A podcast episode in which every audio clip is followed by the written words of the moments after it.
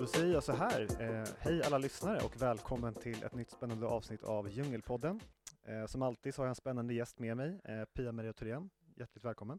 Tack så jättemycket, Leo. Det är ju fantastiskt kul att, att få vara här. Och här, vi, vi jobbar ju nära varandra här i det här företaget, så sitter här titt som tätt och eh, det är ett fantastiskt fint kontor ni har här, tycker jag, mitt i stan på Kungsgatan 62. Ja, ja men kul att du tycker det. Så att, eh, som sagt, det är lämpligt att, att, ha dig med här, men vi har ju tre ämnen eh, ja. kombinerat i ett med dig, vilket jag tycker är ganska härligt. Mm. Eh, och det är ju agilitet, det är ledarskap och det är HR.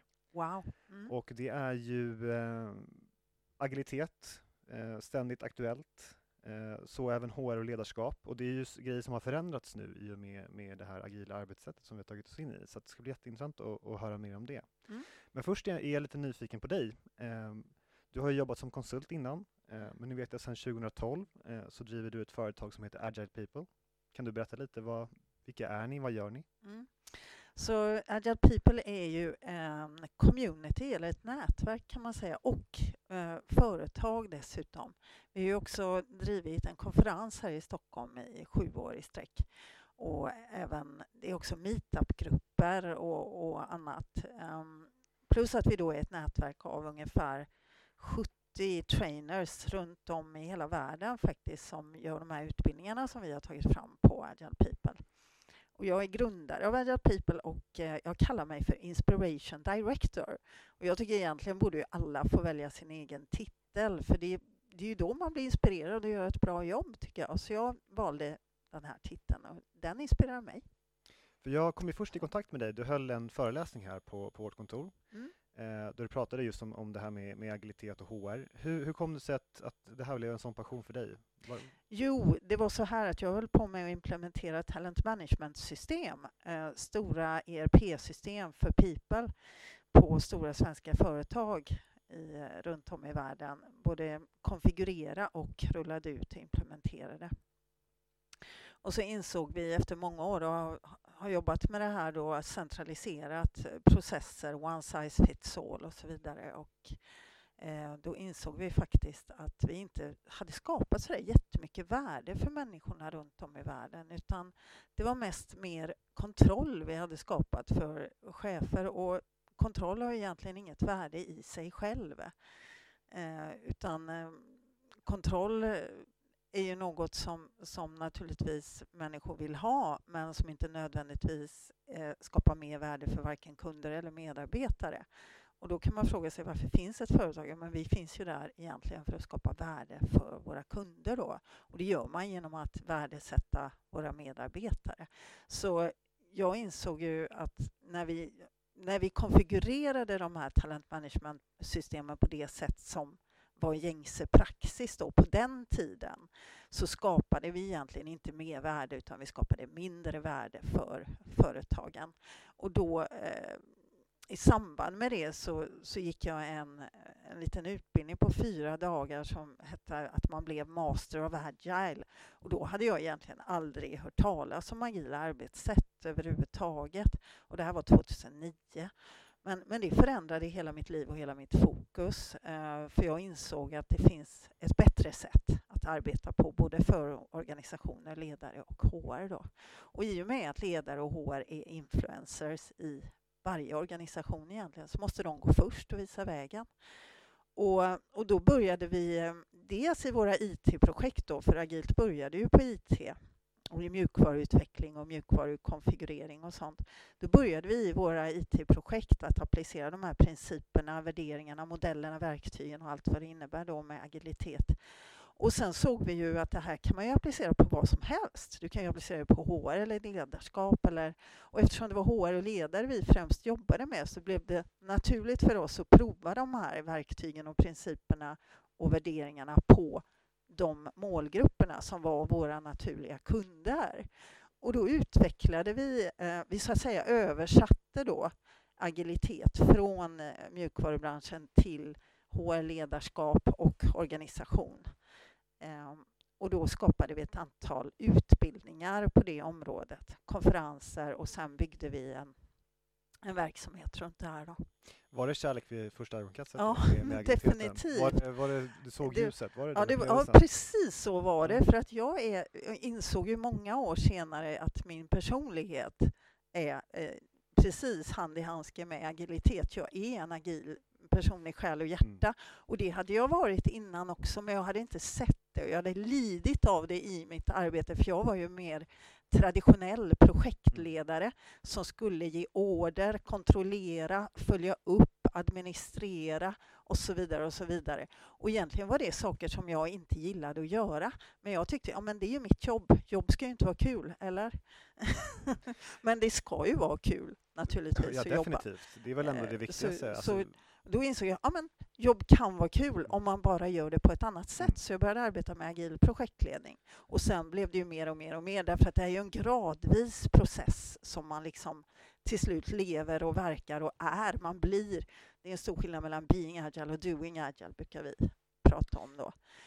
Så, men agile people är ju inte agile, det är inte samma sak. Eh, och det där är ett stort missförstånd, för vissa säger om de eh, värderingar och principer som vi jobbar med i Agile People, det här är ju inte agilt, det kommer ju inte från det agila manifestet som ju är källan till agilitet. Och, och nej, det gör det ju inte, för Agile People är inte agilt. Eh, Agile People är ju Agile People.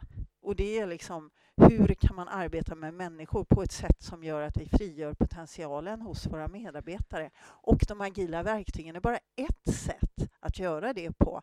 Agile People består ju av mycket, mycket mer. Vi, vårt fokus är ju People and Business Agility, att öka People and Business Agility. Eh, mänsklig motivation och prestation och produktivitet med hjälp av människor som mår bra och som jobbar effektivt på grund av att de har rätt förutsättningar i organisationen. Eh, så det är, det är ett missförstånd att, att Agile People bara jobbar med Agile. Men någonting som jag hör, när jag hör dig prata om, om dels det här att det, ska vara kul på jobbet, eh, man vill känna eh, som medarbetare en viss frihet, eh, vi ska vara lyckliga och glada. Eh, varför har det tagit så lång tid? Alltså jag tänker, det här det är så uppenbart att det är så här det ska vara. Eller varför, hur? varför dröjde Du sa 2009 Ja, men kom du det från... undrar ju jag med. Varför har det tagit så lång tid? Jag trodde ju när jag gjorde min första utbildning 2011 så trodde jag ju men det här är självklart. Alla kommer att älska det här sättet att arbeta och alla kommer att anamma det direkt. Och sen har man kämpat och kämpat och kämpat och kämpat i så många år. Anledningen till att det är så trögt det är ju kontrollstrukturerna som vi har, som är inbyggda i organisationen. Det börjar med årliga budgetar som är kopplade till fasta prestationsmål och bonusar och belöningar av olika slag. Och det är människor som har jobbat i många, många, många år, blivit chefer, eh, fått status, fått en hög inkomst, fått mycket makt, som naturligtvis inte vill släppa detta, vilket blir nödvändigt om du ska öka business och people agility så mycket som man kan öka. Ja, men för, för det, jag har ändå, jag har varit på arbetsmarknaden i ungefär 12 år eh, och på den relativt korta tiden så har jag ändå märkt en väldigt stor skillnad i hur mina gamla, gamla kamrater och även äldre personer, hur de resonerar kring sitt arbete. Alltså Mm. när, man, när man söker ett nytt jobb, då är ju eh, vad man tjänar är inte det allra viktigaste längre, utan det är ju fråga om eh, kultur, eh, hur självgående kommer jag tillåtas att vara, alltså, ja, hur, hur agil är den här organisationen? Det är ändå någonting som man, man värdesätter väldigt högt. Eh, Och det här är en väldigt stor och komplex fråga, men, men har du några idéer kring varför den här revolutionen har skett? Därför att många säger till mig att ja, men det här det är generationsskifte på marknaden. Nu kommer de här curlade millennials in och, och ställer massa konstiga krav. Och, och, och jag tror att det, det är en väldigt simplistisk och kanske inte helt eh, Nej, inte korrekt alls. förklaring. Jag håller med dig fullständigt. Det har inte alls med förklaringen att göra, utan förklaringen är att tiden nu är mogen och att de här gamla ledare lever ju i en gammal värld. Eh, de lever ju i, i den värld där de växte upp och där de så att säga arbetade eh, och formades efter det. Och det här tar ju väldigt lång tid att förstå liksom nya utmaningar. An- Alltså, Alvin Toffler sa ju redan på 70-80-talet att the illiterate of the 21st century are not the people who cannot read and write, but the people who cannot learn, unlearn and relearn. Så eh, det handlar ju om unlearning och det är svårt. Det är inte lätt när man, man har jobbat i 30 år och har ett visst mindset att bara liksom slå över och börja tänka på ett nytt och annorlunda sätt. Det krävs väldigt mycket growth mindset och du blir bekväm med åren. Change is hard. Det är inte hard, alltså förändring är inte svårt om du är motiverad att förändras. Problemet är ju att varför ska vi vara motiverade att förändras om vi redan har det jävligt bra? Jag tror att många kan nog känna igen sig i att, att alla har nog haft en chef någon gång som är väldigt, eh, som tycker om kontroll, tycker om makt. Mm. Eh, det går ju lite stick i stäv med det vad du förespråkar. Går det att lära alla gamla hundar att, sitta? Nej, det gör det ju inte. Nej. Mm, Vissa eh, kan ändra sig och andra gör inte det och kommer aldrig att göra det. Och det är ju någonting man får acceptera. Mm. Ehm, och man har alltid ett val som medarbetare, man kan alltid gå någon annanstans. Och nu är ju makten väldigt mycket hos medarbetarna. Eh, så du kan i stort sett välja och vraka vilken arbetsplats som du vill gå till. Vilket ju gör att, att de här eh, mer gammalmodiga arbetsplatserna kommer till slut inte att finnas kvar. Eh, därför att människor kommer inte att vilja gå dit och jobba där och det kommer att bli väldigt svårt för dem att rekrytera nya medarbetare. Nej, och det är, nu talar jag bara för mig själv, men det är, jag skulle absolut inte kunna tänka mig, jag har haft Nej. jag har sådana, sådana jobb tidigare och det är för mig helt otänkbart nu att, att gå tillbaka till en sån. Och så resonerar ju de flesta idag. Eh, Så, så det är ju bara en tidsfråga. Eh, Du som är ute och, och hjälper kunder med de här frågorna, vad, är det någon utmaning som du stöter på som du känner att det här är verkligen någonting som, som genomsyrar de flesta bolag, att man, man har problem och du pratar om, om unlearning, liksom, vilka är de här gamla Mm. sättspåren man, man fastnar Ja, i? men det är ju precis det kontrollerande eh, sättet att tänka och vara. Och, och det är ju personlighetsdrag som inte är, är så lätta att ändra. Och, och det är ju precis det som blir de största utmaningarna för, för de som vill eh, kanske förändra. Eh, det är nästan lättare att, att lägga ner och starta nytt än att ändra ett, ett stort företag. Jag ska inte säga att man inte ska försöka, för det finns alldeles utmärkta fall eh, där det har lyckats väldigt, väldigt bra. Och man har lyckats liksom ta steg mot eh, ökad anpassningsbarhet och en modernare organisation. Men det tar oerhört mycket tid och kraft att göra det. Det är min erfarenhet. Och du, du nämnde ordet eh, tillit där, eh, någonting, nu parafraserar dig, men när du var här och Mm. pratade så pratade du om någonting som kallas för psykologisk säkerhet Mm. på arbetsplatsen. Eh, det här med att, att man ska känna sig trygg i att, att våga prova att göra nya saker, våga testa att göra fel. Eh, och det här tror jag personligen är en grej som är, är ruggigt svår att, att sudda bort hos vissa. Den här, Mm. den här kulturen av att man alltid ska göra rätt. Och, och hur kan man arbeta med det? Ja, men den största grunden till lärande det är ju just att kunna genomföra experiment. Eh, Vi pratar om safe to fail experiments. Små experiment som, som vi kan lära oss av. Och det är så man tar sig framåt. Det är så man provar nya saker och lär sig. Både när man lyckas och när man misslyckas så lär man sig. Det är då man optimerar lärandet i organisationen. Och en agil organisation är en lärande organisation. Det är egentligen precis samma sak. Och den enda eh, konkurrensfördelen i en framtid för vilken organisation som helst det är att lära snabbare än konkurrenterna. Eh, för det är ju, som du säger, ständigt lärande. Eh, det kan ju vara lite, lite läskigt ibland med förändring, det vet vi ju alla. Eh, det är någonting som måste ske steg för steg. Men var börjar man? Du kan börja precis var som helst. Och det, folk hakar upp sig på det här med var ska jag börja, vad ska jag göra? Gör något. Det, gör vad som helst, Ja. gör något. Gör ett experiment, gör något du inte har gjort förut. Det handlar om, eh, vi kallar det för tiny habits på engelska, små nya vanor. Prova något nytt, prova ett agilt verktyg, prova att visualisera, prova att öka psykologisk trygghet genom att spela the psychological safety game med ditt team. Gör en backlog med ledarskapsteamet. Gör en retrospektiv, alltså en återblick och titta på hur har vi arbetat tillsammans senaste veckan. Eh, börja jobba mer iterativt och lär hela tiden istället för att göra långa planer. Gör väldigt korta planer. Eh, ta bort budgeten och börja göra resultatprognos. Det är ju en jättestor grej. Men, men jag menar, det, det finns tusen sätt, små och stora, att börja på. Att experimentera och vara beredd att misslyckas och försöka igen. Och det är precis det som agilitet handlar om. Det är den här cykeln av att prova något, eh, dra lärdom, eh, ändra något, försök igen. Och så, och så rullar man framåt på det sättet. Det är det som är agilitet plus det här det ständiga lärandet är inbyggt då i den cykeln. Och för att man då ska våga experimentera och misslyckas så måste, måste, jag upprepar, ha, du ha en plattform av psykologisk trygghet i organisationen för annars gör inte människor det. Jag vet inte om vi har pratat om quiet quitting och så vidare väldigt mycket det senaste året. Ju.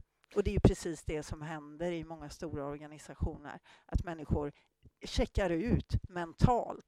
De är på plats på jobbet, de gör sitt jobb, men de gör det inte med passion och med glädje och med, med liksom för att de vill eller är motiverade, utan för att ja, man ska ju jobba och jag får en lön. Och ja, ja vad ska jag annars göra?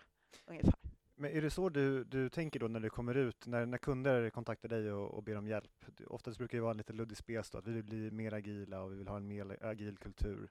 Är det där du börjar just med den här psykologiska tryggheten? Det är ett jättebra ställe att börja på. Mm. Att ta temperaturen på mm. organisationen. Hur psykologiskt trygga är människor här? Mm. Har vi förutsättningar överhuvudtaget för att börja bygga det här? För om du börjar i fel ände, eh, i och för sig, du, du kan börja i vilken ände som helst, för du kommer att komma tillbaks till det, att du måste ha tillräckligt mycket psykologisk trygghet. För annars gör inte människor nya saker på andra och nya sätt. Eh, för då, då kommer de bara att göra enligt regelboken så att säga och inte bryta några som helst regler för man är rädd för vad som ska hända. Och så länge du har det här hierarkiska systemet med chefer som, som förväntas berätta för eh, anställda vad de ska göra och inte och varför så, så kommer du inte att nå dit för då har du ju alltid en chef som kan potentiellt sparka dig, som kan potentiellt sänka din lön eller inte ge dig löneförhöjning som ett straff.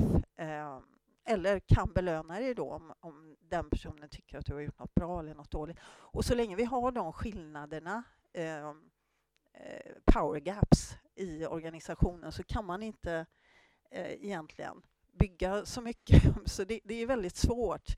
Eh, jag vill ju göra om alla chefer till coacher eller eh, agila ledare Eh, som stöttar och supporterar medarbetarna att just få ut mesta möjliga motivation och coachar varje människa att bli den bästa personen de kan bli i organisationen. För alla vill ju bli den bästa personen de kan vara i sitt liv. Det vill ju alla människor helt naturligt.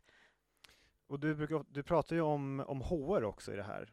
Eh, hur kommer deras roll in? Det är klart att det är ju ledarskap ja. därifrån också. Men... HR har massor att säga till om i en organisation. De har ett finger med i spelet överallt. Och det vet oftast inte många medarbetare hur mycket makt HR egentligen har. För de håller tag, tag i, i ledarskapsutvecklingsprogram och de håller tag i rekrytering. De bestämmer vilka som ska jobba på företaget, vilka som, eh, som är, så att säga, passar in och inte inte och hur man promotar eh, människor, hur de växer i organisationen, karriärvägar, prestation och belöning och eh, kompetensutveckling. Och all, alla de här djupa processerna och, eh, som, som påverkar precis varenda medarbetare i hela organisationen, de bestämmer HR om. Och ledare vänder sig till HR när det gäller att bestämma över de här sakerna. Så utan HR kan vi inte förväntas vänta oss att det blir någon förändring överhuvudtaget. De måste vara med på tåget och helst ska de köra loket och dra först och gå före med gott exempel och börja med sig själva. Och där kan jag tänka att det finns en ganska stor diskrepans, för mycket av det här agila, det kommer ju oftast ur, det är ju mjuk eh, mjukvaruutvecklarna, ett team som kommer med agila. Och jag kan tänka mig att det finns en, en diskrepans i att HR inte har hängt med på den här resan så... så Därför att IT, IT är ju väldigt dåliga på att bjuda in HR och HR är ju väldigt dåliga på att bjuda in IT. 15 år av mitt liv har jag sprungit mellan HR-avdelningen på våning 8 och IT-avdelningen på våning 9 Eh, Eh, i olika organisationer för att medla mellan de här två grupperna. HR mest bestående av kvinnor, IT mest bestående av män. Pratar olika språk, har, har, vill överhuvudtaget inte förstå varandra. är min take på det. Ehm, eller i alla fall fungerade vi som en brygga då mellan HR och IT i de här utvecklingsprojekten som vi drev då. Vi fick skriva eh, kravspecifikationerna för HR och översätta dem för IT och springa emellan och prata.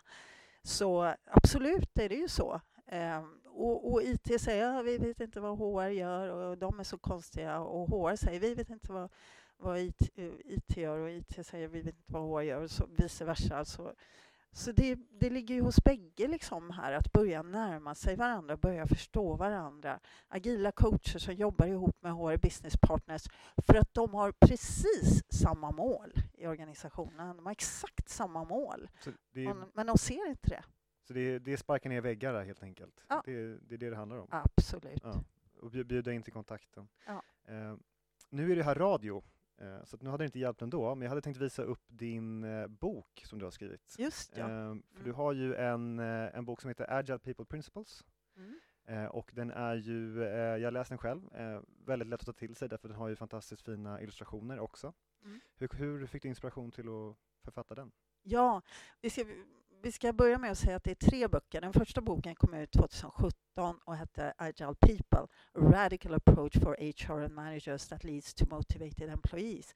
Den andra boken är en bilderbok med massor av illustrationer, som du säger, och små budskap med de illustrationerna. Och den tredje boken handlar just om Agile People Principles. Och det är egentligen ett co-creation projekt som jag har gjort tillsammans med 35 Agile People från hela världen. Så den har vi skapat tillsammans och det är kanske den jag är mest stolt över för den gjorde vi i samband med covid. Vi började i mars 2020 och så körde vi det här projektet helt utan ledare, helt utan plan, helt utan styrning, utan bara 35 engagerade människor som bara självorganiserade i en fantastisk Eh, insats som tog sex månader tog det oss att skriva den här boken, ge ut den på eget förlag. Eh, så, så den är en, ett otroligt projekt tycker jag. Sen den första boken, den har kanske blivit mest känd eh, av alla böcker, men det var egentligen bara att jag behövde kursmaterial till min agila HR-kurs. För att jag, jag hade ingen bok som behandlade det som jag eh, som jag lärde ut. Så jag tog allt mitt kursmaterial och så la jag ihop det i min bok och så använde jag den sen i mina kurser. Och sen råkade jag skriva den på engelska och det är väl en del av hemligheten att den blev väldigt omtyckt över hela världen och att jag fick väldigt mycket förfrågningar sen om att komma eh, till olika länder och föreläsa och köra utbildningar. Så jag har varit runt precis överallt och gjort det i flera år. Och sen var det ju tvärstopp när covid kom i, i mars 2020. Så då gick vi online och började erbjuda kurserna online. Då. Så allt material finns idag i, eh, via Teams och Zoom och Mural, eh, Mural eh, Canvases och Trello Boards och andra digitala verktyg som vi arbetar med idag. Och TPG är ju de här kurserna också. Vi jobbar ju väldigt tätt tillsammans med er så välkommen att gå en av våra kurser här. Vi håller precis på att planera faktiskt schemat inför våren nu. Och eh, jag kan, eh, jag som inte, jag är ju inte en eh, formell ledare så, men jag kan ändå varmt rekommendera den. Mm. Och det var en bra brygga till min nästa fråga. För, för ledarskap är ju en sak. Mm. Men det finns ju informella ledare också. Och sen så finns det de som, som ja, vanliga medarbetare helt enkelt. Vad kan vi göra i den här resan? Vi har väl ändå mm. någon sorts ansvar? Och, Absolut. Och... Det har ni. Och jag tror att alla ska vara ledare i en organisation och ta ledarskap. Eh, och visa, därför att om, om, du, om du beter dig som en ledare så blir du en ledare. Det kan alla göra i en organisation. Det, det är väldigt stor skillnad på formell chef och ledare. En formell chef har makt eh, därför att personen har en position av makt en, en ledare har makt därför att människor följer honom eller henne. Så alla som har följare är egentligen ledare, kan man säga då. Det är definitionen på en ledare, är att de har följare. Människor som vill följa dem. Det är inte säkert att en formell chef har några följare överhuvudtaget. Eh, så det är helt olika saker, formella chefspositioner och ledare. Så vad, vad enligt dig då, vad, vad är en bra agil ledare? Vad, vad ja, jag, man av? Jag har en metafor som jag brukar prata om och det är ju trädgårdsmästaren. Att en bra eh, ledare ska bete sig som en trädgårdsmästare och, och, och, då är trädgården, det är ditt företag. Det har en gräns mot omvärlden som består av, det kan vara ett brand eller det kan vara en, en eh, legal struktur. En organisation då kan bestå av många olika delar också. Det kan finnas liksom grönsakslandet där och fruktträdgården är där och blommorna är där och, och så vidare då som har lite olika eh, mål så att säga. Men det finns ju ett mål med trädgården. Annars hade ju ingen brytt sig om att anlägga den då. Och då är eh, den agila ledaren är ju trädgårdsmästaren som ser till eh, att plantorna då har vad de behöver för att växa och må bra och tillsammans med alla andra plantor i den här trädgården då skapa någon form av resultat eller uppnå syftet med trädgården då. För det gör vi ju tillsammans. Och de här plantorna har ju väldigt olika behov. Eh, vissa behöver ju jättemycket vatten, andra behöver ju mer sol. Det kan vara att de behöver någon speciell näring. Det kan också vara att de behöver mycket space runt omkring sig för att växa fritt. Eller också växer de gärna tätt tillsammans med många andra. Så det är väldigt olika behov och kompetensen hos trädgårdsmästaren är ju att känna till hur behandlar jag en hallonbuske jämfört med en morot eller en ros eller ett äppleträd. Det är den kompetensen en trädgårdsmästare måste ha. Att ge förutsättningarna för den här växten eller plantan att växa då i organisatoriska systemet. Eh, och, och egentligen så är det ju helt värdelöst att försöka utöva kontroll över en, en blomma till exempel. Du kan inte skrika åt en blomma att växa snabbare eller bättre eller mer. Eller det, det fungerar ju inte. Det enda du kan egentligen göra är att jobba på systemet. Jobba på trädgårdens jord. Att se till att förutsättningarna för att växa och utvecklas är så bra som möjligt. Det är allt du kan göra. Och sen kan du egentligen bara hoppas på att det här fröet som du har petat ner i jorden ska gro. Och om det inte gror så beror det ju på något. Det kan ju bero på att det är något fel då i jorden, i att ja, men en, vin, eh, en, en, en, vinplanta till exempel växer ju inte så himla bra i Sverige för vi har inte rätt klimatförutsättningar här. Den behöver ett klimat som finns i Sydafrika eller i Kalifornien eller på Nya Zeeland men inte så bra i Sverige. Eller om, om nu förutsättningar, du har gjort allt rätt. Du vet att den här rosen ska ha exakt den här jorden, precis så här mycket sol. Då kan det ju vara något fel i själva plantan, att den var lite skadad från början. Det är något fel i fröet. Det finns faktiskt dåliga frön. Det gör det, men de är oerhört ovanliga. De allra, allra flesta frön, om man behandlar dem rätt och ger dem rätt förutsättningar, så växer och utvecklas de. Sen finns det sådana som kan vara skadade eller inte har rätt förutsättningar hemifrån. Det kan vara att de har någon psykisk sjukdom, håller på att gå igenom en skilsmässa, har alkoholproblem eller något annat. Och då finns det så mycket som organisationen kan göra för att hjälpa den här personen då, som ju är plantan eller fröet, att växa och utvecklas och komma över det. Men ibland är det bestående skador som inte organisationen har möjlighet att göra något åt. Och då, var det bästa man kan göra då är ju att hjälpa den utanför organisationen, hjälpa dem någon annanstans där de kanske kan växa eller sprida glädje på olika sätt. Det var en, en otroligt bra metafor måste jag säga. Det är en bra metafor, för du kan, du kan gå mycket längre, du kan fördjupa den hur mycket som helst. Nu, nu tror jag, jag hoppas att det kommer gå bra med, med Agile People, men jag tror eh, om det skiter sig så kan du ha en framtid på TV4 i Pia Marias trädgårdsland. Det var jättemysigt att höra dig sitta och, och prata växter.